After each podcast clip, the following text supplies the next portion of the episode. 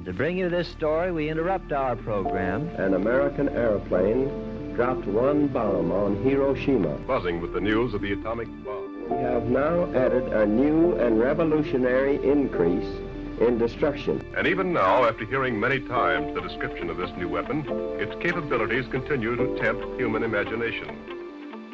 Välkommen till Researching Peace, en podcast från Uppsala universitet. Jag heter Carolina Schützer och i det här avsnittet träffar jag svenska Beatrice Fin som leder antikärnvapenrörelsen ICAN, mottagare av Nobels fredspris 2017. Men hur är det att leda den globala kampen mot kärnvapen mitt under brinnande krig, när världen plötsligt står inför ett verkligt kärnvapenhot? Är hon själv orolig för framtiden och varför är hon så besviken på den svenska regeringen? Varmt välkommen Beatrice Fin till podden Researching Peace här på Alva Myrdal Centrum. Tack så mycket för att jag får vara här.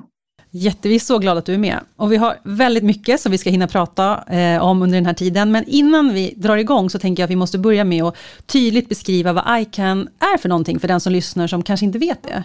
Vad, hur skulle du beskriva ICAN? ICAN är en, en, stor bred rörelse, en koalition helt enkelt av NGOs, av organisationer, civilsamhällsorganisationer över hela världen. Uh, just nu är vi runt 640 organisationer i över 100 länder. Så att ICAN är som inte en egen, alltså vi, vi har ju som juridiskt sett en, en organisation uh, här i Schweiz, men det är som, som ett stort nätverk som koordinerar uh, jättemånga olika typer av organisationer. Uh, och det är det jag tycker är som det absolut bästa med den här kampanjen, det är att det verkligen är allt från organisationer som är alltså, intresseorganisationer som Läkarna mot kärnvapen till exempel, till överlevare från kärnvapendetonationer i Hiroshima och Nagasaki eller på testsajter runt om i världen, till sådana här eh, nunnor som bryter sig in på kärnvapenbaser i USA och kedjar fast sig vid olika missiler och grejer, till liksom, akademiker och folk som forskar om frågorna. Så verkligen otroligt mycket olika typer av människor, olika typer av organisationer. Många, vissa har liksom ett mänskliga rätt, alltså MR-perspektiv, vissa kommer från miljörörelsen, vissa kommer från antikrigsrörelsen, vissa har en mycket mer så här, humanitär, internationell humanitär rättsbakgrund och, och som kommer in i frågan från ett visst perspektiv som gör att det blir liksom en väldigt stor mängd olika typer av aktörer men som samlas under det här gemensamma målet att förbjuda och, och få bort kärnvapen. Så att som ett överorgan för alla organisationer i världen som driver en kampanj mot kärnvapen, är det rätt? Precis, precis. Men om vi börjar då lite aktuellt nu, eh, det som hela världen pratar om. Vad, vad, tänker du om att Rysslands president Putin och utrikesminister Lavrov hotar med att använda kärnvapen? Alltså, jag har jobbat med den här frågan ganska länge eh, och vet, hållit väldigt mycket tal och pratat och sagt att vi måste ta risken på allvar. Men jag tror som att när den här veckan i februari, liksom, när, när kriget började och de här hoten kom ut och eh, det här beslutet att höja statusen på beredskapen på sina kärnvapen i Ryssland. Alltså det var som hela, som du vet, saker och ting började snurra nästan. Alltså det, det var alltså otroligt överväldigande. Alltså så här, men nu, nu ökar risken ganska kraftigt här. Eh, mot, eh, jag tror fortfarande inte att det är liksom sannolikt att det kommer hända att de använder kärnvapen, men den här typen av hot har vi inte sett sedan liksom, jag vet inte, Kubakrisen kanske. På det sättet. Men tror du, skräms de bara eller menar Ryssland verkligen allvar med de här hoten? Men hela det, alltså det, är hela, det är klart att det är för att skrämmas, men de menar ju också allvar. Eh, annars så skulle det inte skrämmas. Jag tror att det är det som hela grunden i avskräckning är ju faktiskt att de, alla länder med kärnvapen är beredda på att använda dem. De har planer, de har beredskap, de har eh, soldater som är redo att utföra de här åren. Annars så skulle inte avskräckning vara en sak. Alltså så här, då skulle ingen tro på hoten. Så att det är klart att det är, det är för att skrämmas, för att terroriseras, för att få folk att backa undan, att hjälpa Ukraina. Men samtidigt så är det ju på riktigt också. Eh, och det är det jag tror att man inte får glömma, att den gränsen mellan vad, alltså för de som säger att är det bara för att skrämmas, då tror man inte på avskräckning, då funkar det inte. Och om, men samtidigt så måste vi veta att det, alltså, kan vi verkligen lita på att han inte skulle göra det? Eh, så att jag tror att man, vi måste ta det på allvar för att det är på allvar.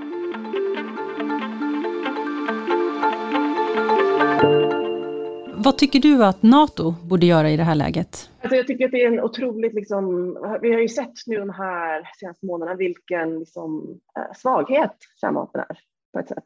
Eh, att vi är otroligt sårbara för ryska kärnvapen. Eh, rysk militär har inte imponerat stort i Ukraina med konventionella faktorer, men vi är liksom handfallna och står och tittar på fruktansvärda brott mot krigslagar eh, som sker i Ukraina och så har det här överhängande hotet om att ryska, Ryssland kommer att använda kärnvapen.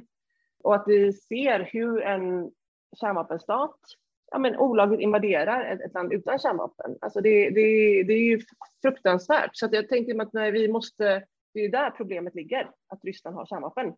Och jag tycker att NATO borde inse att det är, så länge Ryssland har kärnvapen så är vi inte säkra här i Europa eh, eller i världen och att det är där vi måste arbeta för att få bort dem. Eh, vi har ju enorma sanktioner mot Ryssland just nu som vi inte har sett förut. Och jag tycker att det, vi måste börja prata om att ett av kraven, förutom naturligtvis att skydda Ukraina, eh, men Ukraina kommer heller aldrig vara säkert så länge Ryssland har kärnvapen, att ett av kraven på att släppa sanktioner bör vara nedrustningsförhandlingar. Att vi måste använda den här möjligheten. Jag tror att vi har ju verkligen sett avskräckningens riktiga ansikte just nu. Du skrev nyligen i en debattartikel i Dagens Nyheter att eh, mänsklighetens öde vilar idag på förnuftet hos några få ledare som kontrollerar nästan 13 000 kärnvapen. Mm. Vad tänker du om att verkligheten ser ut på det sättet? Ja, men det är ju helt sjukt. Alltså, jag, jag kan fortfarande bli så arg ibland att vi låter det vara på det här sättet. Att vi lägger hela vår säkerhet i alla länder. Jag bor i ett, i ett annat neutralt land, Schweiz. Um, och att det är liksom Biden och Putin som bestämmer när, när vi ska begå kollektivt globalt självmord. Den här idén, alltså när man verkligen pratar om avskräckning och man går in i det, liksom, drar det till sin spets, liksom. vad är det man gör egentligen, vad är det man ska göra och vad gör man då? Då blir det ju helt sjukt, som att till exempel vi ska titta på, tänk om han har ihjäl hela Ukraina till exempel och vi gör ingenting för att kärnvapen. Men om han skjuter en polsk soldat, då kommer Biden säga att hela världen ska har, har. Vi ska starta globalt kärnvapenkrig och alla dör. Alltså det är ju helt ologiskt, irrationellt. Det är aldrig rationellt att använda kärnvapen. Och vilket naturligtvis motståndarna vid sidan måste veta på ett sätt, vilket gör att man kanske inte då alls blir avskräckt för att de kommer aldrig göra det, fast det kanske de gör det. Och det är liksom hela tiden vilar på att vi helt lägger vår säkerhet i någon som Putins händer. Eh, och det är väl det också jag är väldigt bekymrad med nu med Sverige, att Sverige ska börja stödja kärnvapen hot och avskräckningsteori, att det innebär ju att Sverige helt lägger sin säkerhet, sin framtid i Putins händer och bara hoppas att han alltid gör det rätta, att han aldrig kommer göra ett misstag. Men det tänker jag leder oss in på det här då, som du har varit ute och pratat om i media också.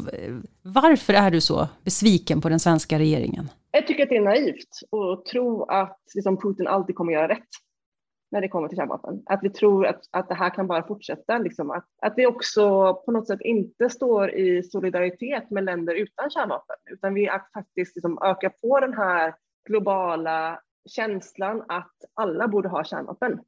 Om inte Sverige kan stå upp liksom och säga att Nej, men nu gör vi en plan istället för hur eh, vi ska få bort ryska kärnvapen, så säger Sverige nej, alla, vi ska också ha kärnvapen, vi ska också vara med och hota med kärnvapen. Och vad ger det för signal till andra länder runt om i världen? Ska alla länder i hela världen göra som Sverige just nu?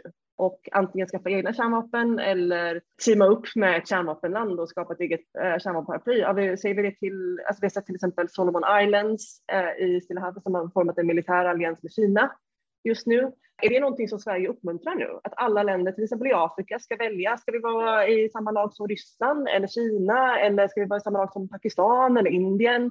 Det blir ju ett otroligt mycket farligare värld.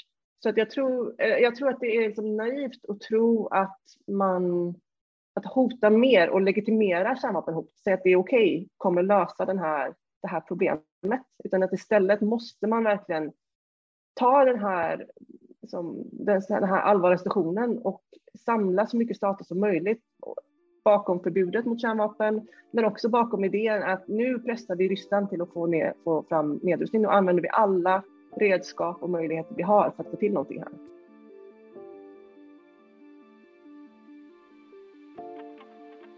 Kärnvapen har ju blivit väldigt aktuellt nu och det pratas om det på alla platser i samhället tror jag, fikarummen och... Vilken är den vanligaste frågan som du får från vänner om du är på middag om kärnvapenkrig och kärnvapenhotet? Det har ju ändrats väldigt mycket de här månaderna. Jag tror att före kriget så har det varit, vet man så här, presenterar sig vad man jobbar med, folk så här, blir lite tysta, jaha okej, okay. uh, uh, det är liksom inte så partysnacket direkt utan det är död och massförstörelse och väldigt, väldigt tunga ämnen. Um, och de flesta säger, åh vad, vad bra, jag skulle också vilja uh, ha en värld utan kärnvapen. Och så blir det lite tyst och så säger de, men er, tror du verkligen att det går? Uh, att, det, att det är så här, att jag känner väldigt mycket att folk stödjer oss men inte tror att det är möjligt. Men nu efter kriget så har det ju helt ändrats. Liksom. Nu får jag ju bara frågor och sms och samtal av vänner och bekanta och folk på sociala medier. Eh, kommer han använda dem? Vad händer om han använder dem? Och väldigt praktiska frågor på det sättet som är liksom, jag tror att vi som har inte pratat i samhället om förut. Jag tänkte att vi skulle lyssna på ett eh, klipp eh, när du eh, får ett samtal In a few minutes, it will be announced that this year's Nobel Peace Prize is awarded to the international campaign to abolish nuclear weapons. Wow. What is your immediate response? Shock. Um, well, this is amazing. Um, I'm, um, oh, I'm shaking. What an honor. Vad tänker du om det här samtalet? Vad, vad väcker det för minnen hos dig? Jag bara, jag bara fnissar jämt när jag, när jag hör det här samtalet. Eh, för att det var ju så himla bisarrt. Alltså så här, väldigt, väldigt oväntat och ja, jag fattar väl inte riktigt vad det var som hände. Så. Men eh, samtidigt så drog det igång en hel virvelvind av saker och ja, som jag som fortfarande inte riktigt förstår hände. Jag kan se på så här bilder från Nobelceremonin, så bara, gud, gjorde jag det? Jag kommer knappt ihåg. Alltså det var bara så, så här, det är som en dimma att man bara gick igenom det här. Eh, det var väldigt överväldigande men också väldigt, väldigt eh, roligt naturligtvis. Ehm, och framförallt så var det också som otroligt liksom, erkännande av kampanjens jobb. Det, någon förstod vikten i avtalet. Eh, någon förstod att det var viktigt att vi utbildar och informerar om konsekvenserna av kärnvapenanvändande som nu är superaktuellt liksom, att, att prata om. Eh, och att allt det här arbete som väldigt ofta hånas, det här civilsamhällsarbetet som sägs ah, hopplöst, det kommer aldrig lyckas, att det faktiskt fick ett erkännande. Och de här sakerna man gör som civilsamhälle, man skriver underlag till politiker och man ringer till journalister som inte svarar och man twittrar till någon riksdagsledamot och man håller seminarier och olika upprop som känns jättehopplöst just då, för det känns som att gud, det är någon som lyssnar. Och sen så får man det här fantastiska erkännandet att ja, det ledde till någonstans och folk lyssnade och folk förstod. Så det har just gett en väldig kraft och energi i vår rörelse och en, en slags känsla av att men just det, det är det här arbetet som är så viktigt, även om inte det kanske uppskattas i sekunden.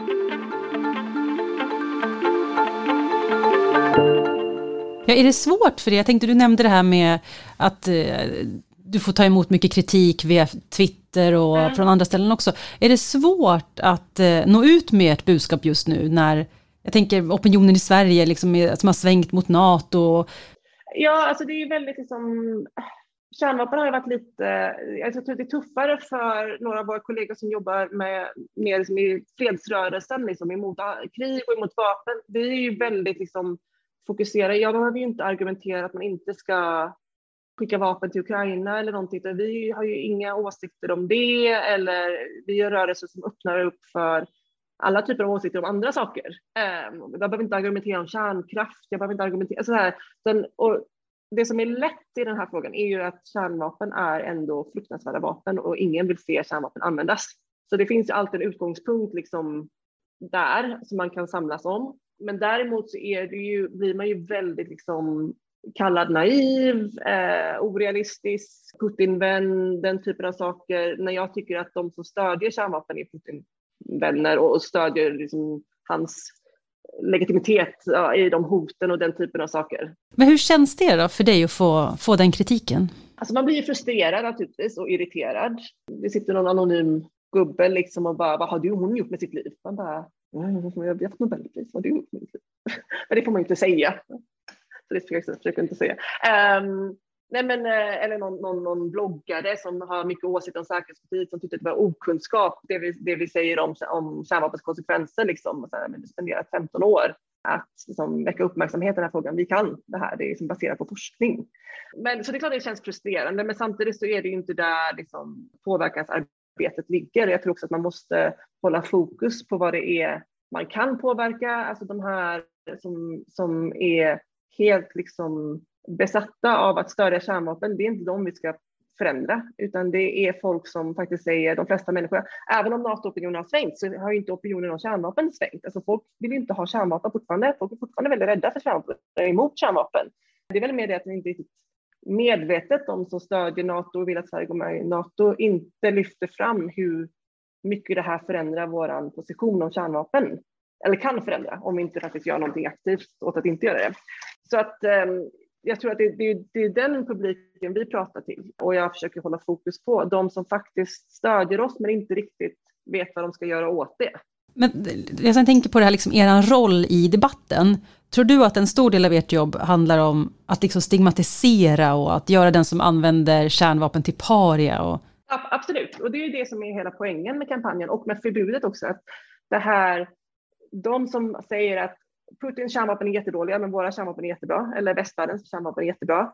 Eller de som pratar om avskräckning som någonting som inte riktigt handlar om kärnvapen. Det är bara något mytiskt, liksom magisk snuttefilt som vi lägger över NATO så kommer allting bli bra.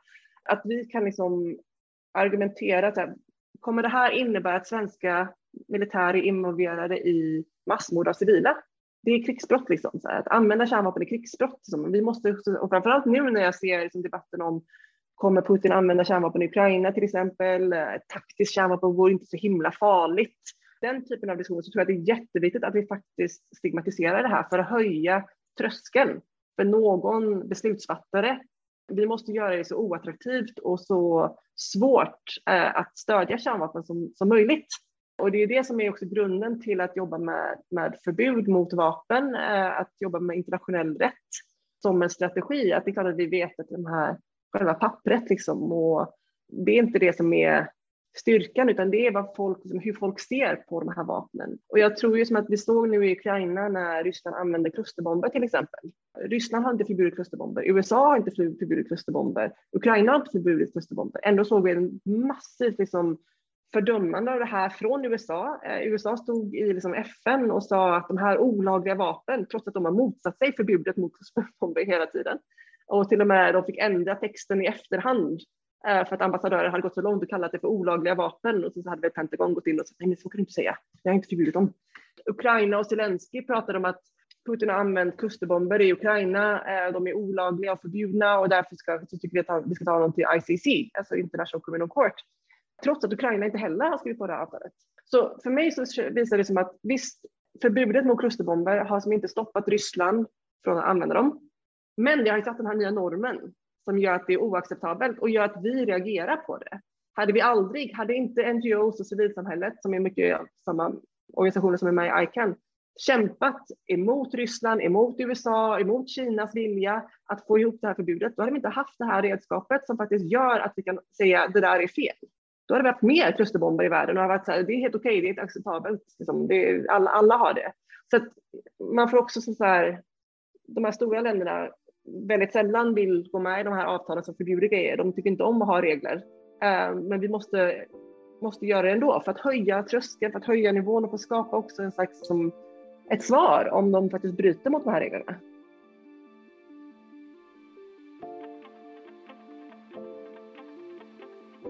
Den här podden gör vi för eh, Alva Myrdals centrum för kärnvapennedrustning då vid Uppsala universitet.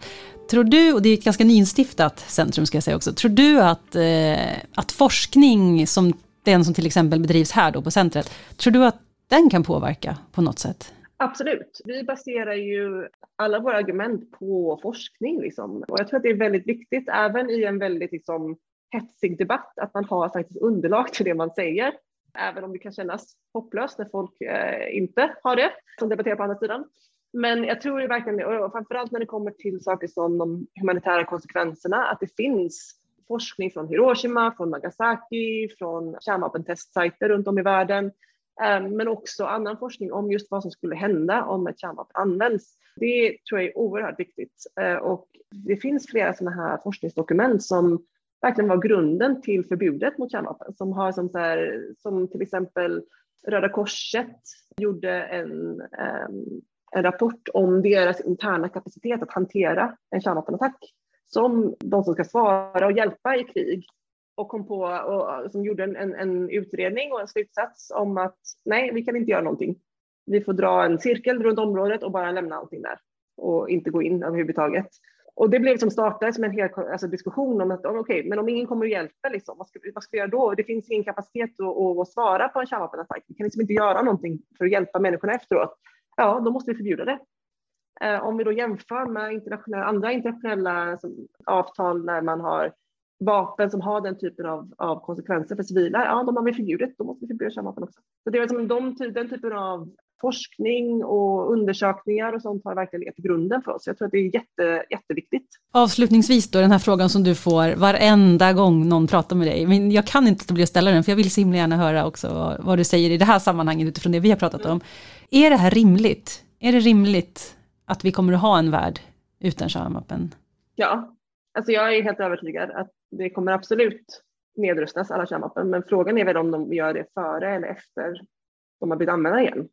Jag kan liksom inte, alltså om vi, om vi behåller kärnvapen för alltid så kommer de bli använda, alltså statistiskt sett. Så är det. Och nu ser vi också med riskerna som att om vi fortsätter och ökar våra liksom, stöd för kärnvapen just nu eh, och då kommer vi se fler länder skaffa kärnvapen och fler länder gör som Sverige, gå med i kärnvapenparaply och vara med och hota och använda kärnvapen. Eh, och då kommer vi så småningom se att kärnvapen används och då kommer vi absolut se en nedrustning efter det. Så jag tror att konsekvenserna kommer att bli så katastrofala att det finns inget annat alternativ. Men förhoppningsvis kan vi göra det innan. Men det är klart det är möjligt. Jag, och jag tror också man måste komma på att liksom, vi har ju sett nedrustning av andra vapensystem. Eh, vi har sett de här avtalen fungera. Vi har sett hur, hur det är möjligt att göra sådana här stora grejer. Men vi måste arbeta hårt för att komma dit.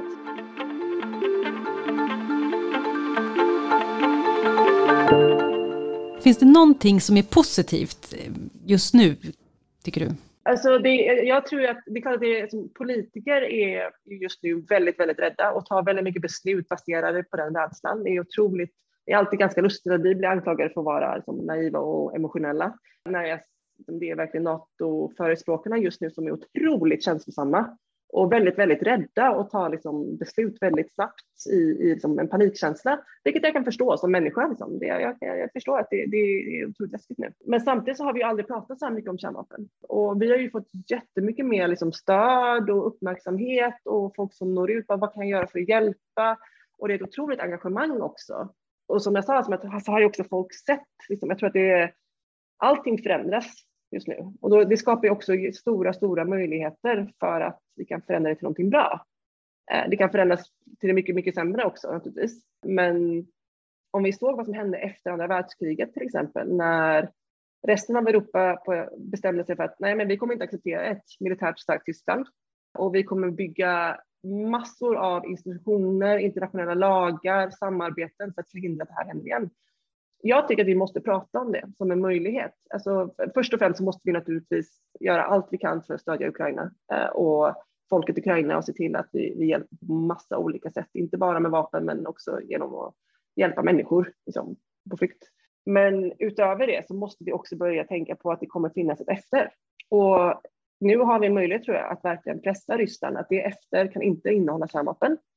Vi måste tänka på hur vi stöder demokratiska rörelser, mänskliga rättighetsorganisationer i Ryssland, att vi också jobbar liksom strategiskt med att se till att det här kan förändras. Putin kommer inte vara kvar för alltid. Det kan vara nu eller det kan vara om 10-15 år, vem vet? Liksom. Men någon gång är han inte där. Och finns det då en öppning att göra någonting så måste vi börja planera för det nu. Beatrice Fin, tusen tack för att du var med och tog dig tid till det här. Jag vet att du ska springa vidare på fler saker. Tack snälla. Tack också till Mert John Gilmas som är vår tekniker och som klippt det här avsnittet. Den här podcasten produceras av Institutionen för freds och konfliktforskning vid Uppsala universitet i samarbete med Alva Myrdal Center. Du som lyssnar kan alltid nå oss på info.pcr.uu.se. Stort tack för att ni har varit med oss.